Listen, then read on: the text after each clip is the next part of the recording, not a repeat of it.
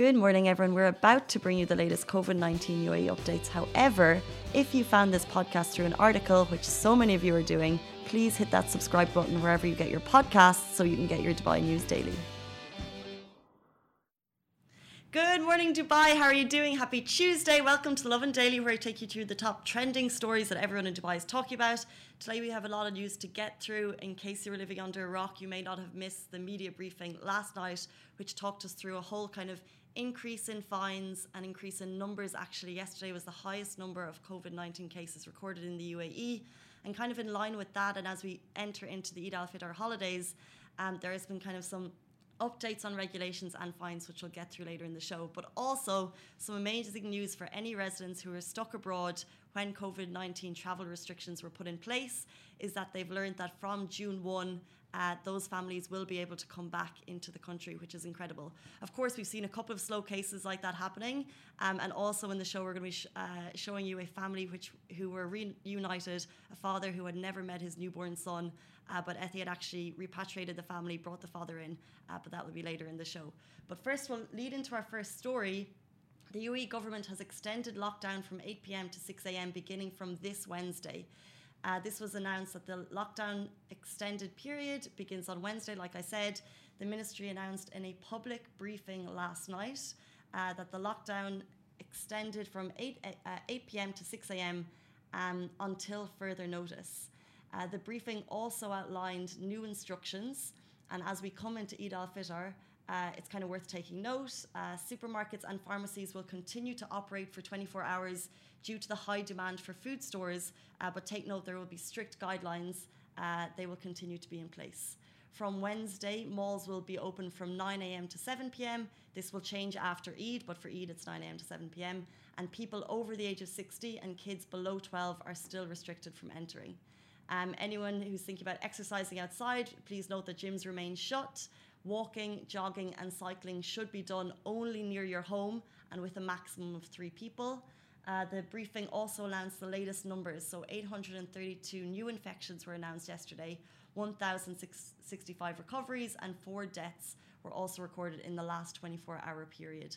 And we'll also talk about the list of fines and increases later in the show. Um, so, this is, I think, kind of this was a bigger briefing. Uh, there were there had been daily briefings coming every day at 5 p.m. This was announced um, pre-time. I think a lot of people were aware it was happening 9:30 p.m. yesterday evening, and it's kind of uh, a basic reminder to everyone to please follow the rules. We're not going into total lockdown as we've seen in other countries nearby for uh, for the Eid holiday, um, but it's a reminder to kind of follow the rules. Um, be note that the fines are increasing, um, and we'll talk about those later in the show.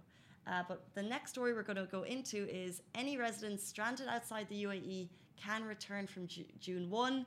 This is huge news for the thousands of residents who got stuck outside when borders closed to curb the spread of COVID 19. Uh, so basically, any foreign national who holds a valid residence visa can return to the UAE and the process will begin. You can head online um, right now and actually register. The decision was made from the UAE's keenness to enable those holding valid residency visas to get reunited with their families after having been affected by the precautionary measures taken under the current exceptional circumstances we're all living through.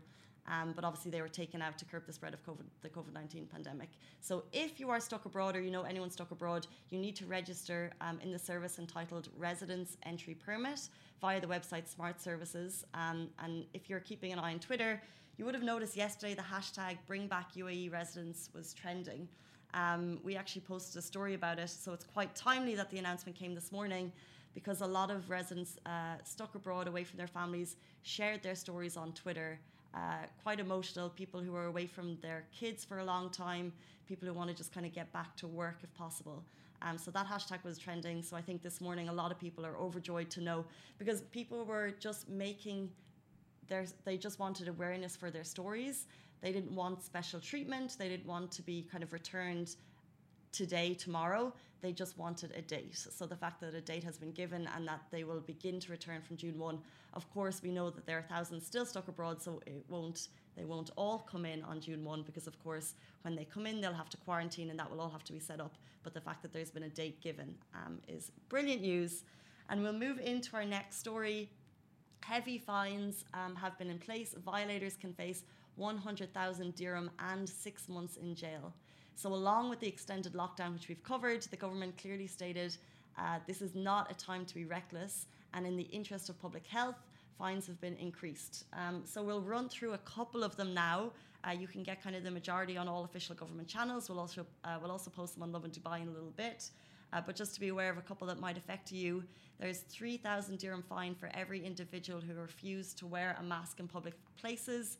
This was 1,000 and now it's been put up to 3,000. So we're seeing a couple of increases. There's a 50,000 dirham fine for schools, gyms, cinemas, parks, cafes, restaurants who do not adhere to the COVID 19 measures. Uh, 50,000 dirham fine for anyone who doesn't adhere to home quarantine. 20,000 dirham for not placing thermal cameras where required. Anyone considering hosting a party or a gathering, uh, this um, will affect you 10,000 dirham for the host and 5,000 dirham fine for any attendee of that gathering. 3,000 dirham fine for anyone in a vehicle of more than three people, and 3,000 dirham fine for not following social distancing measures, which we all know is stay two meters apart. Like I said, the full list of fines is available on official government channels if you want to check them out, and we'll be posting them on Lovin Dubai later today. But like I said, I think it's just us, it's our responsibility uh, to stay safe, wash our hands, don't be tempted by a five day break to kind of go to large gatherings. I think this is kind of the turning point. We're still seeing numbers rising, but most the majority of people have been self isolating. So I think as a holiday comes closer, you're probably considering maybe maybe it's okay to go out and see friends in larger groups. But the government's announcement yesterday is basically I think pinpointing the fact that people have been reckless, there has been irresponsible behaviour, and therefore they've needed to increase those fines. So that decision has not been taken lightly, but the fines have been increased. There is jail time uh, in line with that. It could be six months. Sorry, just one second. Sorry if we broke up for you guys. I was just saying um, there has been jail time up to six months for people violating those fines, so it's just worth taking note of. Um, but we'll leave you with a beautiful story of a video I have uh, been shared without by my family families are for being more- reunited who were separated by COVID 19 restrictions. We've talked about it already in the show, but this is a beautiful story by Etihad, which of course is running a number of flights during this time um, to bring a limited number of passengers back home. So this story that you can see beside me, by the way, on Instagram, you can't see the story beside us, of course, because we don't have our graphics set up. Uh, but let's see if I can get it up here. Um, if you want to see all of our photos to go in line with the stories, and if you want to see the videos, you can check it out on Facebook. But this video shows uh, Mrs. Farha Ubaid along with her young son Adam and her newborn baby Ahmed. And the story goes her father had not met, the father had not met the newborn son Ahmed, and this is the very first time that they met, which is beautiful. Are you able to see the video?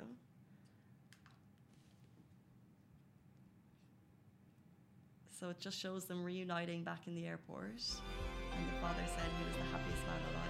I'm just trying to.